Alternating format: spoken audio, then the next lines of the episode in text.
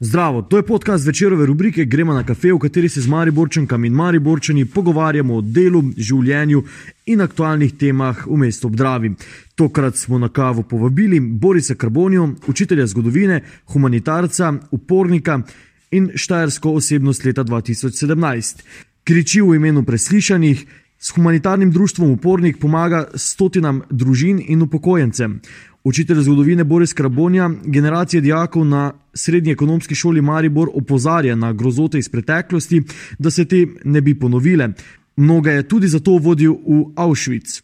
Zaradi impulzivnosti in iskrenosti se je v preteklosti večkrat opekel, a tudi zato ga imajo mnogi radi.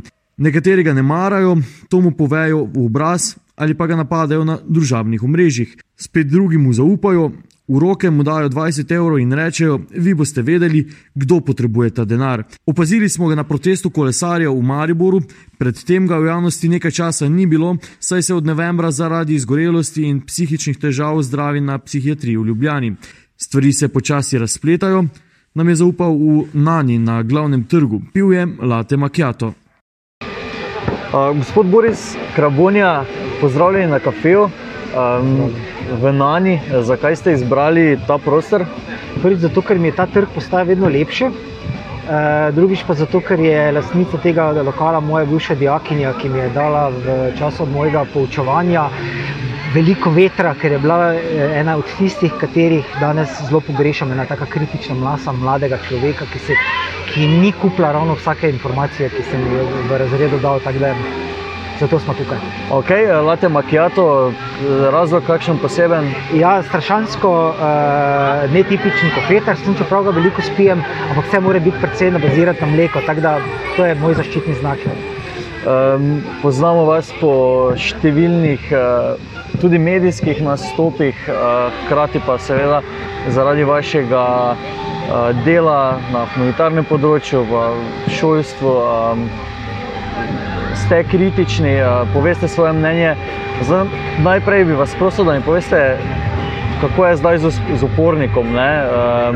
Težko obdobje je za ljudmi, kako ste se vi soočali s tem, kaj se je dogajalo zadnja dva meseca. Jaz moram reči, predvsem po zaslugi kreativnosti mojih upornikov, pravzaprav se je upornik sicer fizično zaprl, ampak mi smo dejansko potem s pomočjo Anje, Nejca, Mire in Mihe v bistvu vse delali preko pošte. Tako da v bistvu vsi naši ljudje, ki so rabili pomoč, so dejansko dobili te prehranske bone. Zdaj, kar se pa tiče položnic, pa zdaj dejansko, glede na to, da, neki, da je to marec, april, da nekih velikih zaostankov ni, tako da bomo zdaj v mesecu maju in juniju to poravnali za nazaj. Tako da upornik je normalno delal, razen to, da pač nismo bili v fizičnem kontaktu z ljudmi. Ne. Tako da moram reči, da sem zelo ponosen na svoje upornike, ker so dejansko pokazali eno veliko mero kreativnosti, ker jaz bi vse dol zaprl. Ja. ja, težko obdobje. Kaj pa, kaj pa zdaj, mislim, se je že to nekaj spremenilo, se odpirate? Kak... Ja, mi smo dejansko z prvim četrtkom v maju odprli obe pisarni na Ptuju in v Mariboru, tako da zdaj pa normalno delujemo. No. Tudi nove odjemalce jemljemo. Da, smo polni akcije. Kaj pa, vem, pomoč ljudi, prispevki so se zdaj, ko nas strašijo pred krizo, ko, ko se socialno stanje mogoče še ni poslabšalo, pa, pa se to najverjetneje obeta, se je kaj to spremenilo? Zdaj, enkrat ne. Moram pa reči, da, malo v, da me je malo strah iz enega preprostega razloga, ker verjetno bo ta kriza z enim zamikom prišla. Ne? Potem se bo verjetno na donacijah poznalo. Je pa res, da je zdaj bilo kar nekaj podjetnikov, jaz bi tu dva res izpostavil. E, to je podgornik Marko, Mikropolo e, in pa Ekosan e, Aleš Babič, ki sta dejansko zelo, jaz bi temu rekel, človeško, solidarno, humano odreagirala in v bistvu dala zdaj kar precej veliko e, finančnega zagona upornikov. Tako da eh, moram reči, da v tem trenutku je upornik finančno stabilen. Okay. Um, kaj vas ljudje kaj vprašajo, kaj pa zdaj, kaj bo sledilo? Um, vem, veliko ljudi je že zdaj izgubilo službe, sicer s sproščanjem ukrepov se nekatera delovna mesta vračajo. Um, Umenili ste, da, si, da bo sledila verjetno kriza z zamikom. Um, kakšne so kaj reakcije ljudi? Uh, zdaj, oba veva, ne, da kadar nastopi kriza, eh, ni bilo oblasti, ni bilo države, ki ni najprej eh, rezala pri najšipkejših členih družbe. Ne. Iz enega preprostega razloga, ker nobena država, nobena družba si ne upa, recimo, direktno vsekati po srednjem sloju, ampak najprej po nizjem sloju, ki so najslabše organizirani, nimajo svojih sindikatov, zdaj pa že malo namigujem na upokojence. Eh, mene je zelo strah, da si bo katera koli vlada, ki bo zdaj v tem času po koroni na, v Sloveniji na oblasti, da bo ponovno si dovolila to, kar si je mrak Kopačeva, eh, vzeti eh, varstveni dodatek upokojencem. Eh, tega me ne bo strah, ker zdaj v tem trenutku ne bom rekel, da je za upokojence poskrbljeno, ker ni, ne, daleč od tega. E, večina upokojencev naših še vedno pod pragom revščine. Ne. Ampak vsaj z tem varstvenim dodatkom smo prišli, recimo, rečemo tam na njih 500-550 evrov, kar je komaj, komaj. Ne. E, mene je strah, da bojo varstveni dodatek iz te pokojnine. Ne, ne vem, kakimi pojasnili. Ne. Potem uh, vedno več se nam oglaša uh, ljudi, se pravi družin, ki sta oba partnerja izgubila službe.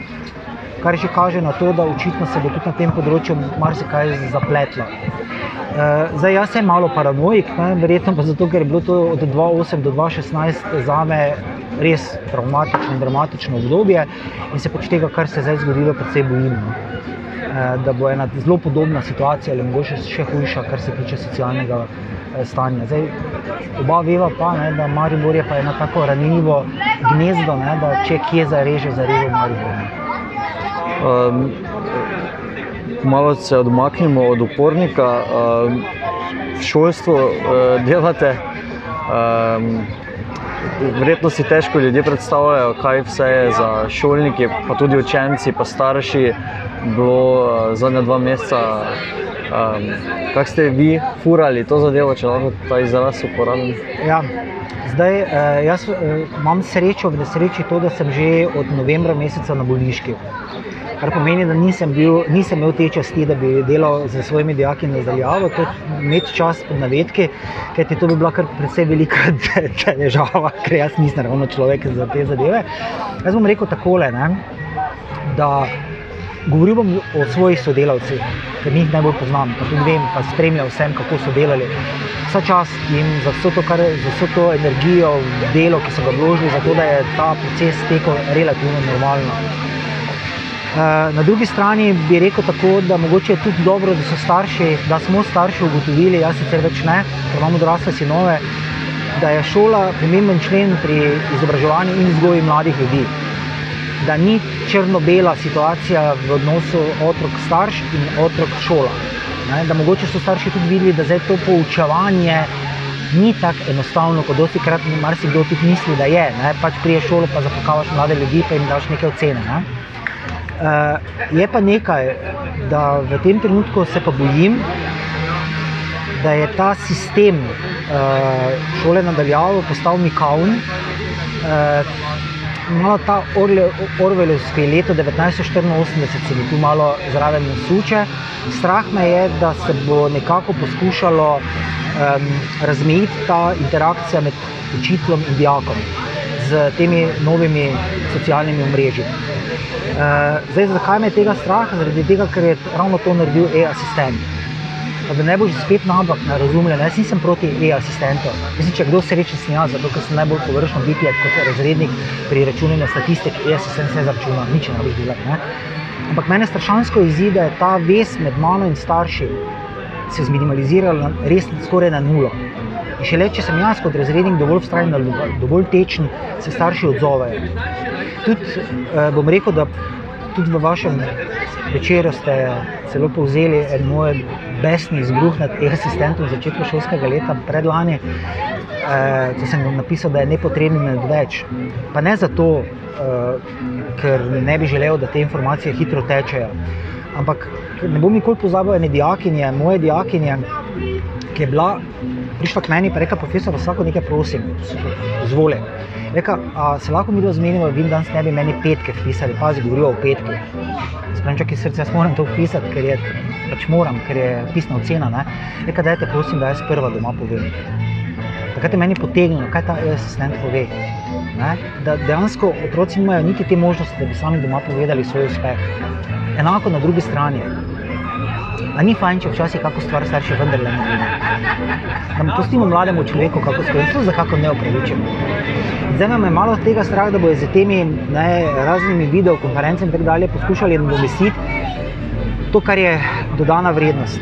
In uh, dodana vrednost je to, da s- mladi ljudje so kritični do tvojega nastopa, do tvojega dela, do tvoje reakcije. Um, učitelj ni verodostojen, če za svojimi besedami ne stoji. Eh, Pri socialnih mrežah pa ne ti kot novinar to najboljše veš. Vsak dripec, ki ima pet minut časa, ve več kot ti. Vsak dripec na socialnem omrežju je večji strokovnjak od eh, zdravnikov, od pravnikov, odvetnikov, učiteljev in vseh ostalih.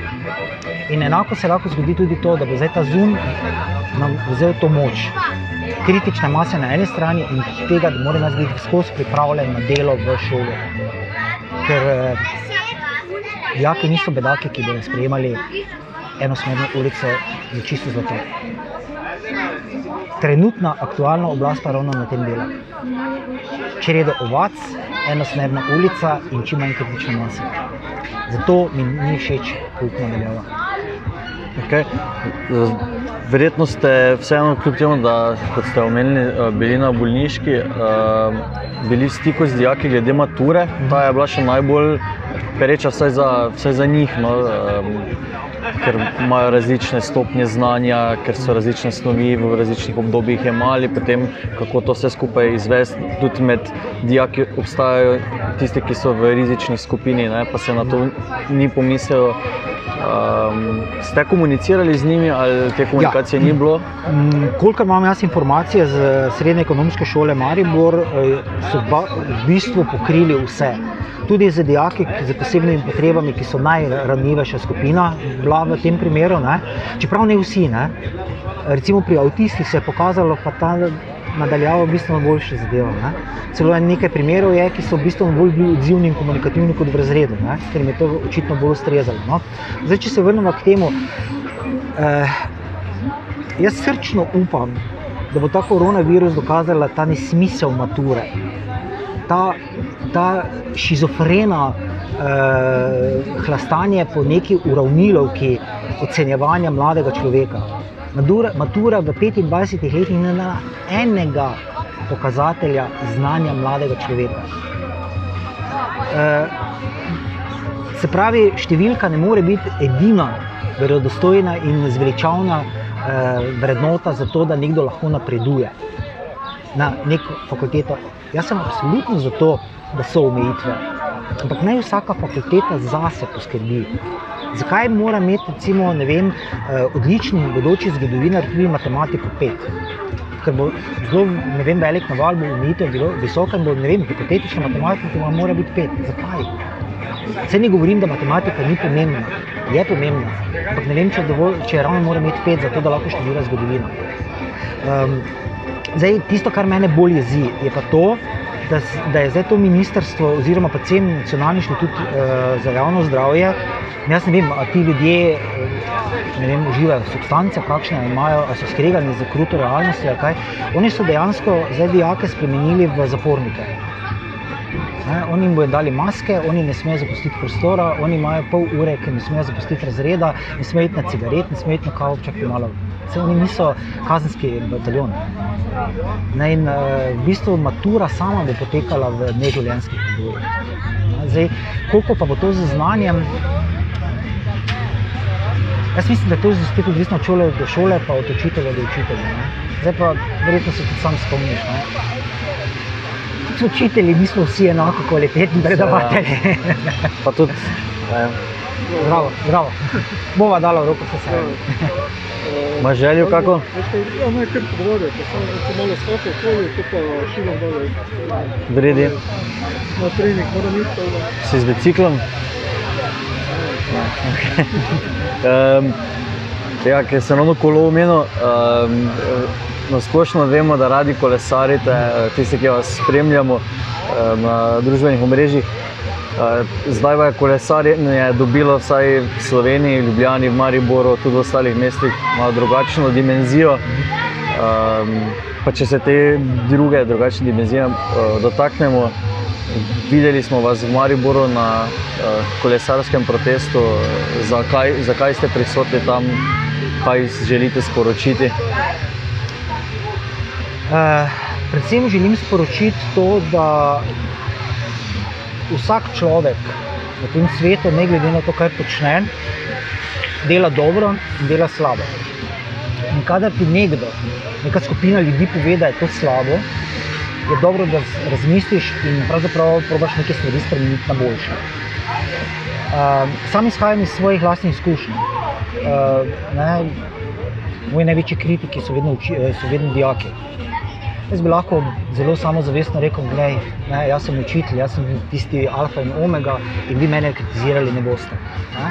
Ampak to ne vodi nikamor. Uh, trenutno imamo na oblasti vladarja, samozvanega vladarja, poklicanega vladarja uh, Janeza Janša, ki pravzaprav ne prisluhne nobeni kritiki. On je zadevo, on je dejansko glas vseh tistih uh, trobil iz socialnih omrežij, ki se nikoli ne bodo podpisali, ki imajo lažne profile in pravzaprav negirajo vse, kar je v tej naši družbi zdravo in kvalitetno. To, to so intelektualci.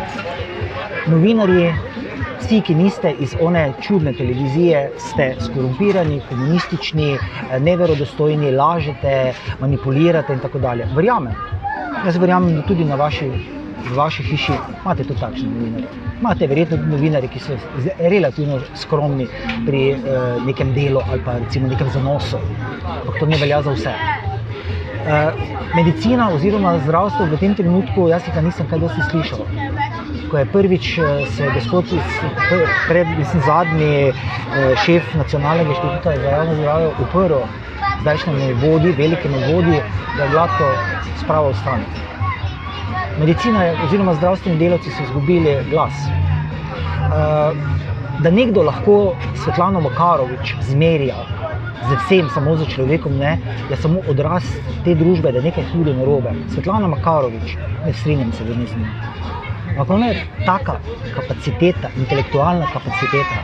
Ona je oseba, ki je v svojem življenju dala tej, temu narodu toliko pisane besede, da se en tak kljukec, kot so jašisti in jim podobni, spotikajo, je višek in dokaz temu, da je nujno in treba reči, ljubčki, ne morete. Iz enega preprostega razloga, ker vas je mati narava oškodovala pri temeljnih vrednotah človekovih pravic. Vedenju, razumevanju in nerazumevanju, kaj biti po konfliktu. Konflikt ne pomeni spopad. Konflikt pomeni samo to, da mi dva v neki trenutku ugotoviva, da nimamo istega mnenja. Razšla se bomo z različnimi mnenji, ampak z vedenjem, da, je, da, si, da imaš ti enake pravice kot jaz, kot človek. Na teh protestih sem zato, ker se Jana Zajanša iskreno bojim. Bojim se ga ne zato, ker bo meni kaj naredil, tudi če mi kaj nikoli naredi, se konči fazi meni ne moš nič narediti, nič mi je kaj zavzeti, tudi utišati se me ne da. Me pa zelo skrbi za tvojo generacijo in za generacijo mojih otrok. Tudi tu nekje ste. Isti letnik. Isti letnik. Celo isti letnik. Ja. Iskreno me skrbi. Zaradi tega, ker zasaja med vas, kateri že zdavno več ne bi smeli vedeti, kaj je to levo in desno, in kaj je belo in črno, in kaj je rdeče in belo, in tako dalje. Ker to ni stvar, katero vas zanima, ni to stvar vašega življenja, to je samo stvar zgodovine, katero se vi dotaknete toliko, koliko jo potrebujete, zato da razumete sedanjost in da lahko mogoče predvideti prihodnost. Te delitve za vas niso več pomembne, ampak mlade ljudi ravno s tem zastrupljajo. Če ga poslušava, ugotavljava vedno lahko isto stvar, da nič ni kriv, da vedno je žrtev. Uh, meni deluje kot uh, stara devica, ki hrepeni po seksu, pa je seveda čas že zdavne nima in v svet je kriv, zato ker je ostala stara devica. Stara devica. Um, dejstvo je, da je z tem uh, koronavirusom jasno pokazal, da je klato temeljne človekove pravice po svobodi. Uh, nobene pravice nima omejevati gibanje, to, kar je naredil z med občinami, ni bilo prav nobene potrebe. Če je res bil tako velik naval na uh, turistične kraje, se to da drugače narediti. da si njegov minister za notranje zadeve Hojs dovoli eh, groziti protestnikom z kaznimi. Protest je temeljna pravica posameznika po izražanju mnenja. Eh, Zmerjati protestnike z nekimi zombi. Jaz sem zadnjič celo uh, na enem njihovem portalu bral, kdo smo vse protestniki. Se pravi, sem spadam absolutno učitelji, delomrzneži, intelektualci, kvazi intelektualci, FDV, filozofska fakulteta in tako dalje. Števanje vsega tistega, kar pravzaprav naša družba je in kar je danes daje tej družbi barovni napis. In uh, to je tisto, kar jaz vedno pravim. Ne? Največji problem je, kadar zmanjšaš delež intelektualcev, pa zmanjšaš delež, delež kritične mase revežev, kar je ravno to naredil. Mislim, da imam vso pravico tudi na glas pomisli, imeti pomisli glede eh, postavljal sem vprašanje, zakaj je upokojencem dal dodatek zdaj, čemu? Kje so zdaj bili upokojenci, tisti, ki so imeli manj prihodka? Vse pokojnine se niso zmanjšale. Ali je to dal zato, ker rabi kritično maso uh, voljivcev? Na drugi strani, eh, kakšen, je, njego- kakšen je odnos trenutne vlade do, do umetnikov? Gladko imajo gledališče še kar menda zaprto. Ne? E, tudi nekega velikega interesa za te samo pos- zaposlene ni. E, jaz nisem nikjer konkretno videl, kaj bodo naredili z prekarnimi delavci. Zdaj to, da jim daš enkratno pomoč, ne vem, če bo dovolj. Da ne govorimo o vseh teh malih podjetnikih. Ne, o tem, kar so prej govorili, vprašanje, kaj se bo zgodilo čez par mesecev ali mogoče par tednov. No in um, zato sem na protestu. Ker je bila v teh osmih tednih odzeta ljudem temeljna pravica po svobodi, po svobodnem izražanju svojega mnenja. Hvala. Adijo.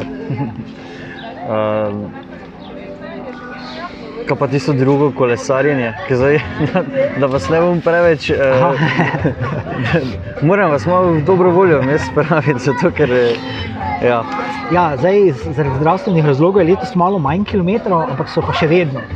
Tako da, ja, seveda, kolo je moja ljubezen. Um, ampak na proteste ne hodim z mojim potovalnim kolesom. ja. Imamo eno specialno kolo, tako prav za proteste. Um, ja, ne, kolo je, je tisto, kar meni daje počivaj, počivanje, uh, odmik od nekega vsakdanjega rituala, občutek miru. Tako da, ja, seveda, še vedno moj. Um, startate pa vedno na tujo, ali kako? Različno. Različno? Različno. Okay. Uh, čisto odvisno od tega, kje se z avtom najdem. Imam pa vedno v avtu kolo, to pa vedno. Ja. Ker nikoli ne vem, kje bo trenutek, ko bom mogel šartiti s kolesom. Um, na, trgu, na glavnem trgu smo. Um, Pogled imate usmerjen proti gostilni Maribor. Uh, uh, moram vas izzvati, zato ker je že zdaj že skoraj uh, leto in pol od lokalnih volitev. Takrat ste podprli, um, javno podprli zdajšnjega župana gospoda Arsenoviča. Um, še vedno stojite uh, za to podporo, kaj si mislite danes, um, mnenje no, o zadevah, o lokalnih zadevah v Mariboru. Uh, zdaj bomo najprej popluvala Borisa Karbonija. Okay? Uh, tisto, kar se je zgodilo pred letom in pol, je nekaj, kar je bila moja največja napaka in nikoli v življenju se več ne bo ponovila. Uh, v bistvu uh, to je tisto, ko sem jaz vedno mislil, da uh, luči medijev in sjaj te neke prepoznavnosti, katere se jaz sicer probujem nekako utepati, da, da to meni ne bo nikoli prišlo do živega. Ne? Da meni ta uh, samovšečnost, ta ego ne bo toliko dvignilo, da bom šel kakšne neumnosti delati na, zaradi tega. Ne? Ampak sem pa naredil. Jaz sem takrat imel občutek, da sem jaz tako zelo pomembna, prepoznavna osebnost, grozno bedlake, zdaj ko stojijo po koncu od sramu. Uh, ampak dejstvo je, da je to res, da pravzaprav jaz imam vso moč in jaz bom zdaj tega novi, ta novi obraz podprl. Jaz sem tam izpadel kot največji gnoj. In dejansko sem bil takrat največji gnoj. Prvič zato, ker jaz nisem imel zakaj podpreti Arsenoviča, ker jaz Arsenoviča nisem niti prej, niti kasneje poznal. Uh, jaz nisem pojma imel v njegovem političnem programu, ker sem prelen, da bi si te zadeve uh, pogledal.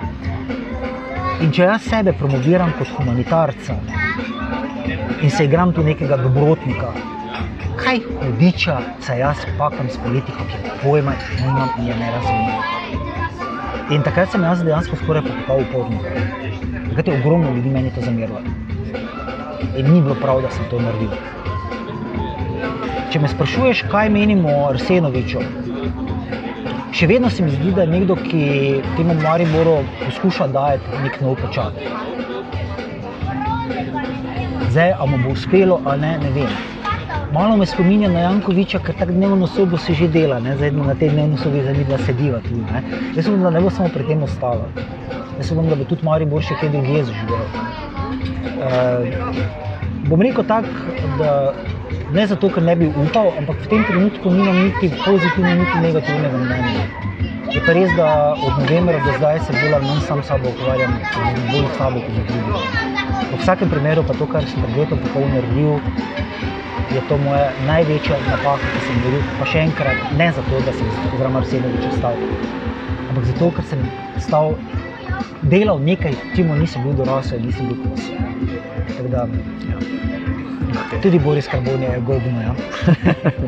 Uh, Zdaj ste že večkrat omenili no, svoje zdravstvene zadeve. Želite govoriti o tem? Mislim, da so tako nepomembne in tako. Eh, v bistvu stvari, ki so se zapletle, eh, se počasi razpletajo, bodo se razpletle. Jaz računam tako, da do konca letošnjega koledarskega leta ponovno fit, da bom ponovno uh, sposoben delati vse stvari brez umitve. Drugače pa ni noben problem, uh, hude psihične težave, izgorelost. Uh, skratka, uh, zdravim se zdaj že od novembra, sem na psihiatriji, ni, ni noben skrivnost. Okay. Uh, ste kdaj pomislili, da bi uporabili delit na socialnih omrežjih, pa so vam kdaj to svetovali? Ne. Uh, iz enega preprostega razloga, ker vem, uh, eno stvar pa se zavedam. Če samo malo ja. da prekinem. To sem rekel zato, ker ste tudi tam bili tarča mnogih napadov. Predvsem tisti ljudje, ki se izpostavljate, pa ste uspešni na nekaterih področjih, kar vidimo tudi zdaj, um, ste ponavadi tarča napadov, predvsem neznanih, pa anonimnih eh, ljudi. Ja, pa tudi ne. No. Ja, ja, ne, vse to so tako simpatični, anonimni že. Uh, gledaj, m, prva stvar, ki je, uh, jaz Facebooka ne morem in ne smem zapreti. Facebook, Boris Karbon je osebno ni moja stvar, ni moja last. Od tega profila so, je odvisno danes, recimo, piše skoraj tisoč ljudi. Dejstvo je, kakorkoli se zdaj sliši, že spet malo samo všečne, hvale, da pač enostavno ta moj eh, način retorike, način vedenja, govorjenja, obnašanja, pa še verjetno marsikčesa, je očitno rodilo neke pozitivne sadove v tem, da lahko pomagam s pomočjo ljudi drugim ljudem. Dejstvo je, da jaz sam nimam tega denarja, da bi lahko ljudem pomagal in šele s tem, da pač izvabim denar drugih, oziroma te, ki so pripravljeni donirati, lahko nekomu drugemu pomagamo. E, zato ne, nikoli nisem, bil sem pa 14 dni na Twitterju. Preveč, 14 dni preveč. 14 dni in 14 dni so se SDS psu na mene, najbolj pa me je imel grdo eh, bojen požar. In to je bilo tako grozno, da sem jaz pol enemu mojemu frendu rekel: Vse lepo te prosim, da mi to zbriši dol, ker jaz tega ne imel. tako da nimam, eh, so Twitter mi zaprli, tako da nisem na Twitterju. Edini moj eh, socialno mrežo, ker sem jaz glasen, ki me dosti je Facebook, pa imam tudi nekaj občutek, da ga obvladam. Zdaj so me celo, oziroma že malo nekaj časa nazaj naučili, kako zbrišeš one, oziroma blokiraš one, kot na živce. Da, da to dela. Okay. Um, vam kaj pomaga, ko tako pridete v Maribor na kavo? Um, pač Kako kak se počutite v Mariboru sicer? Uh, vseeno ste prepoznavna faca, pa vas verjetno tudi marsikdo pozdravi in to. Kako je biti v Mariboru nekdo, ki ga ljudje tudi ja. poznajo? Uh, jaz bom rekel, da načeloma so vedno prijetne izkušnje. Dosti krat se zgodi, da tako kot zdaj mi dva sediva tu na kavi, kdo pride, pa tako da ne, 10 ali 20 evrov na mizo, pa reče, vi že veste, komu to pride, pa ne vem, kdo je. Ne. Uh, lahko povem, da so tudi kakšne take izkušnje tam, tam je zelo všeč. Uh, mislim, da je pol leta, pa mogoče ne več, že nazaj. Uh, sem bil tu pri tuš, Planet Tuš na benzinski črpalki in tankam. Ne? In nasprotje stoji en gospod, ki tudi tanka sproti, imam skozi občutek, da me gleda. Pa se tako nekako obrnem, pa ok, ne, na kar gre, jaz še vedno tam, in gre noter, plača in pride nazaj ven in tako me pogleda, pa pravi, a vi ste pa Boris Karbonja, ne, pa spravim, uh -huh, veko, vi ste totalen kreten. In se mrne gre, si jaz tako stavo zraven, si kot vredno, kaj pa je to bilo. Samo to. Ja, pač. Tako da tudi kdaj pa tako, tak, ampak načeloma ne je pozitivno. Veš kaj, no kaj pa jaz vem, uh, vse verjetno tega svojega prepoznavnega ksihta, da je imel spet uh, skrigle, ne, jaz sem že 25 let učitelj, že tudi neka generacija dijakov, ki je šlo skozi moje roke. Ne. Seveda. Uh, Drugač pa nimam nekega občutka, da zdaj da ravno bi za mano kdo skakal. Dobro. Uh, kar nekaj časa sem, sem vam že vzel, pa verjamem, da se boste v našem časopisu še kdaj uh, pojavili. Da, uh, dodatnih vprašanj trenutno danes še nimamo. Okej. Uh, vseeno pa za konec naše rubrike, ki bo v tisku seveda veliko krajša kot ta polurni pogovor zdaj že. Um, ja, potem, jaz vedno imam težave, moram krajšati. Potem. Um, Česa si želite v Mariboru? da bi to bilo mesto mladih ljudi, uh, da bi to bilo mesto, ki bi uh, živelo, ki bi dihalo, uh, ki bi vse svoje potencijale izkoristilo in da bi to bilo mesto res prijazno rekreativnim športnikom. Najlepša hvala za vaš čas. Hvala tebi, Srečno. enako. To je bil podcast večerove rubrike Gremo na kafe. Gost Boris Kravonja. Jaz sem Miha Dajčman, pod tem imenom me najdete na Instagramu, Twitterju in Facebooku. Do zanimivih večerovih vsebin na spletu dostopate s plačilom 99 centov na mesec. Ja, manj kot en kafe. Vabljeni na vecer.com.